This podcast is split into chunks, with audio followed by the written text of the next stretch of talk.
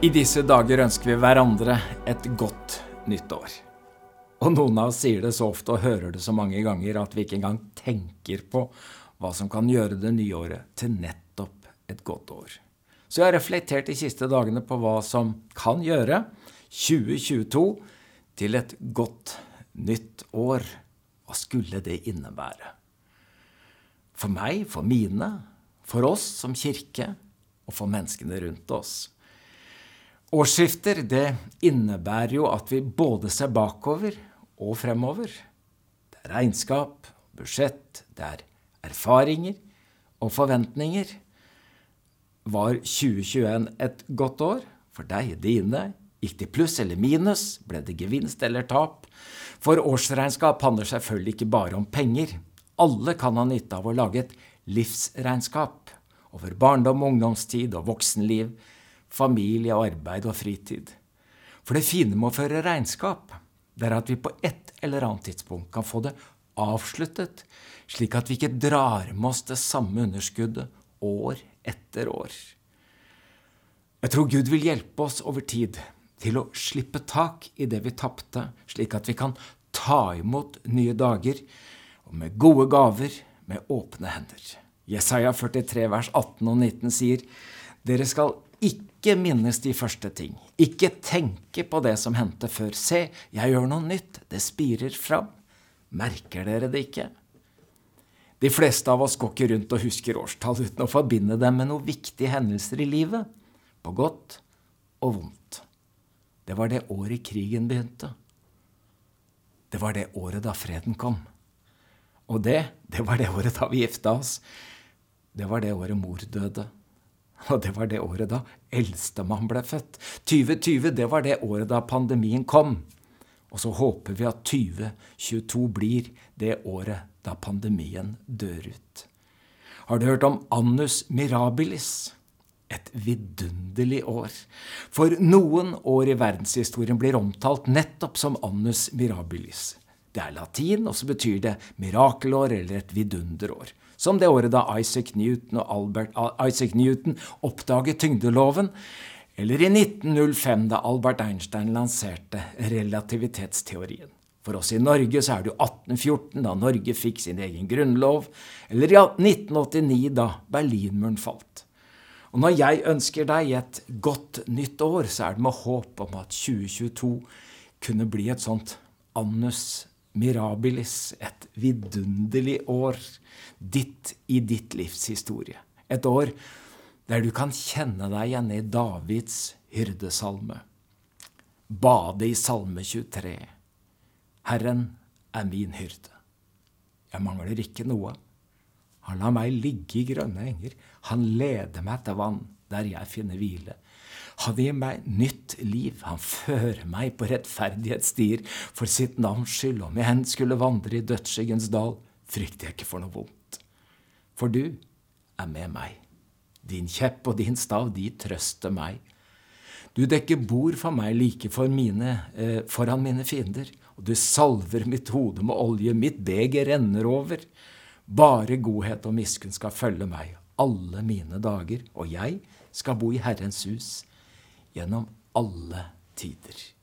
Verdenshistoriens største og viktigste annus mirabilis er uten sidestykke det året da Jesus ble født.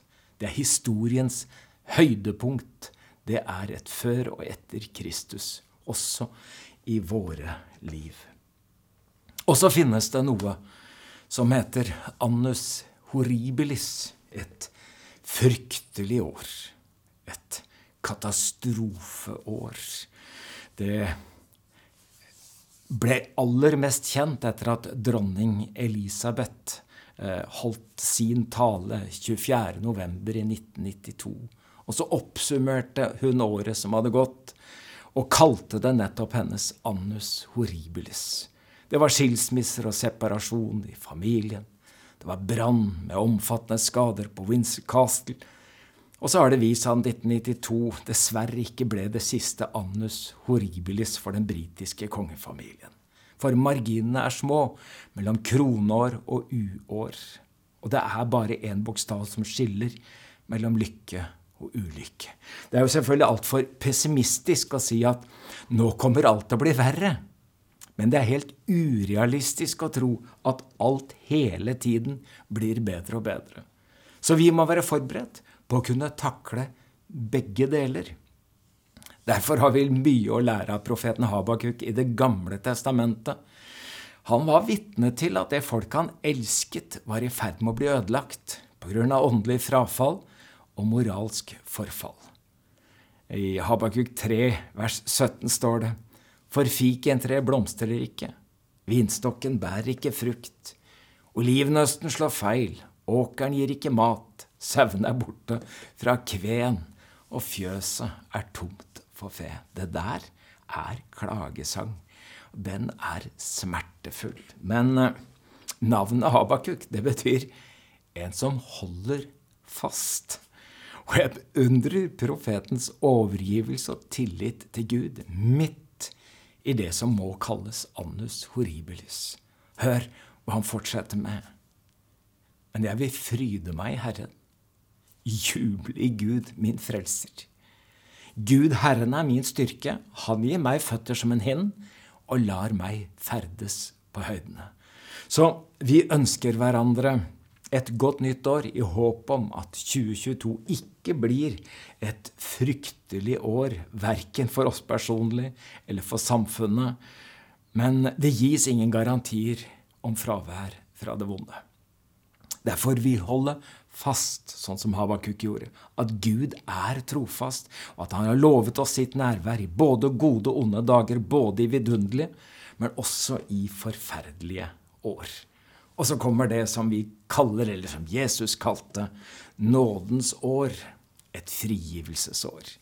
Han startet sin offentlige tjeneste med å rope ut nettopp et nådens år fra Herren. Veien fra dåp i vann og ånd med åpen himmel og Guds kjærlighetserklæring ved Jordanelven til den offentlige programerklæringen i synagogen i Nasaret var ikke en dans på roser, snarere tvert imot. Det var et sant helvete. I Lukas 4, vers 1 og 2 leser vi Fylt av Den hellige ånd vendte Jesus tilbake fra Jordan. Drevet av ånden ble han ført omkring i ødemarken i 40 dager. Han ble fristet av djevelen. Ødemarken virket jo som et gudsforlatt sted. Men det var ånden som drev Jesus gjennom de 40 dagene i nærkamp med djevelen. Og etter å ha bestått prøven vendte Jesus tilbake til Galilea, fylt av åndens kraft. Ingen av oss ønsker oss motgang og prøvelser, men det er jo gjennom slike perioder vi blir styrket i troen og utrustet til tjeneste. Det er jo f.eks. godt å vite at den bilmodellen vi kjører, har vært utsatt for harde tester i kulde og varme, i tøffe motbakker og bratte hellinger, eh, for at vi skal være trygge på at den tåler det, de forholdene som vi kjører i. Og det samme hensikten har prøvene på skolen. Vi liker dem jo ikke. Men de skal hjelpe oss til nødvendig læring og erfaring, så vi kan gå videre og få større ansvar. Vi ble mildt sagt overraska da vår Benedicte sa at hun ville søke befalsskolen i Forsvaret. Vi trodde hun var mer egna for catwalk enn feltmarsj. Men hun kom inn og gjennomførte og ble offiser. Men veien fra rekrutt til løytnant var imidlertid ingen dans på roser. Da hun fortalte om hva de måtte gjennom på den såkalte helvetesuka, så hørtes det ut som et annus horribilis Hensikten var selvfølgelig ikke å ta livet av eller plage soldatene uten mening, men å gjøre dem i stand til å lede andre og forsvare landet. Og Jesus kom ikke krabbende ut av ødemarken som en slagen mann. Hør hva det står i Lukas, det fjerde kapittel, vers 14-19. I åndens kraft vendte Jesus tilbake til Galilea. Ryktet om han spredte seg over hele området. Han underviste i synagogen og fikk lovord av alle. Han kom også til Nasaret, hvor han var vokst opp, og på sabbaten gikk han inn i synagogen slik han pleide. Og da han reiste seg for å lese, rakte de ham profeten Jesajas bok. Han åpnet bokrullen og fant stedet der det står skrevet Herrens ånd er over meg, for han har salvet meg til å forkynne et godt budskap for fattige. Han har sendt meg for å rope ut at fanger skal få frihet og blinde få syn igjen, for å sette undertrykte fri og rope ut et nådens år fra Herren. Og de som hørte dette den gangen, visste at det Jesus omtalte som nådens år, refererte til frigivelsesåret, som bare skjedde hvert 50. år i Israel. Det var et annus mirabilis for enkeltmennesker og for samfunnet. Det innebar altså frigivelsesåret personlig frihet for de som hadde mistet den i løpet av disse 50 årene, som satt i fangenskap eller i asyl eller hadde blitt eh, lyst i bann. De skulle få sin personlige frihet tilbake og komme til sitt opprinnelige sted hvor de hørte hjemme. Og så skulle det være sosial rettferdighet ved at forskjellene mellom fattige og rike skulle utlignes hvert 50 år, ved at de som hadde mistet det de eide, skulle få det tilbake. Sånn at de som hadde mye, de mistet stadig verdi etter hvert som årene gikk fram mot det 50. året. Og for de som var fattige, kom håpet og ble sterkere og sterkere. De ventet på frigivelsesåret. Og det 50. året skulle alt være av nåde. For da kunne de ikke lenger høste av det de sjøl hadde arbeidet og sådd. Da fikk ingen som fortjent. Da fikk alle alt av Guds nåde. Hvilket år! Frigivelsesåret, nådeåret. Et godt år for flest mulig mennesker.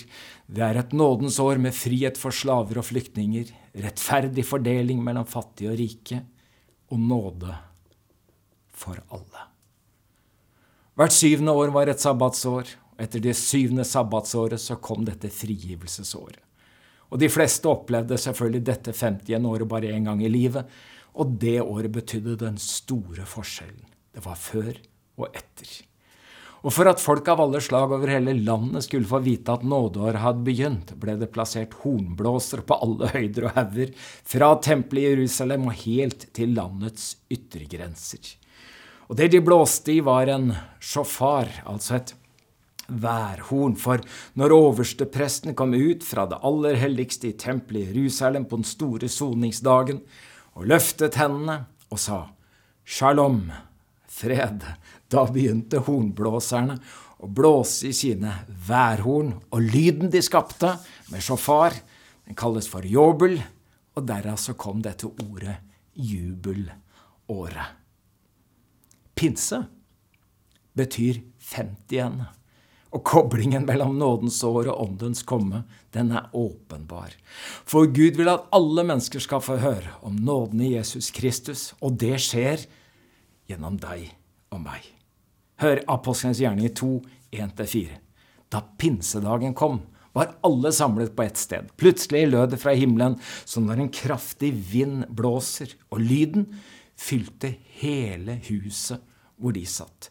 Tunger liksom av ild viste seg for dem, og den delte seg og satte seg på hver enkelt av dem.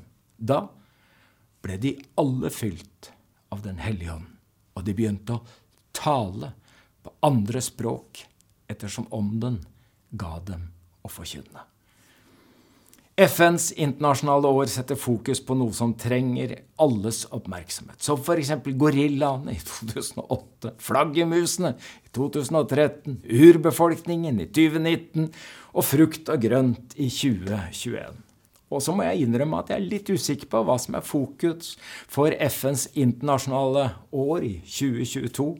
Men én ting er jeg helt sikker på, og det er at 2022 det er et Herrens år.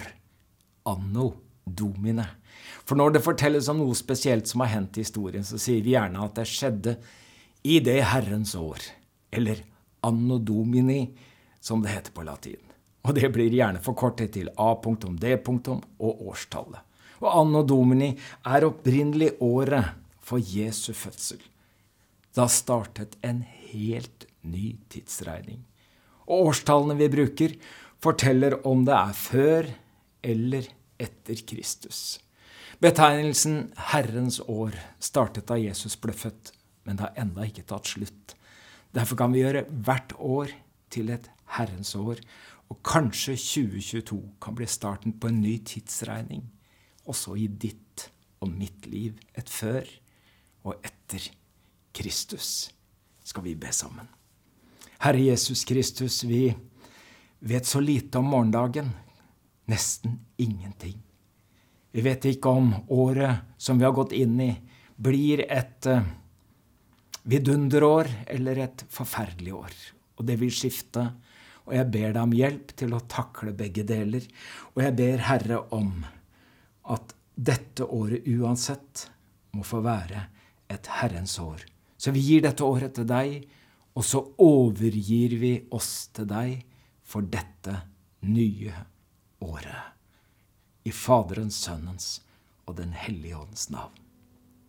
Amen.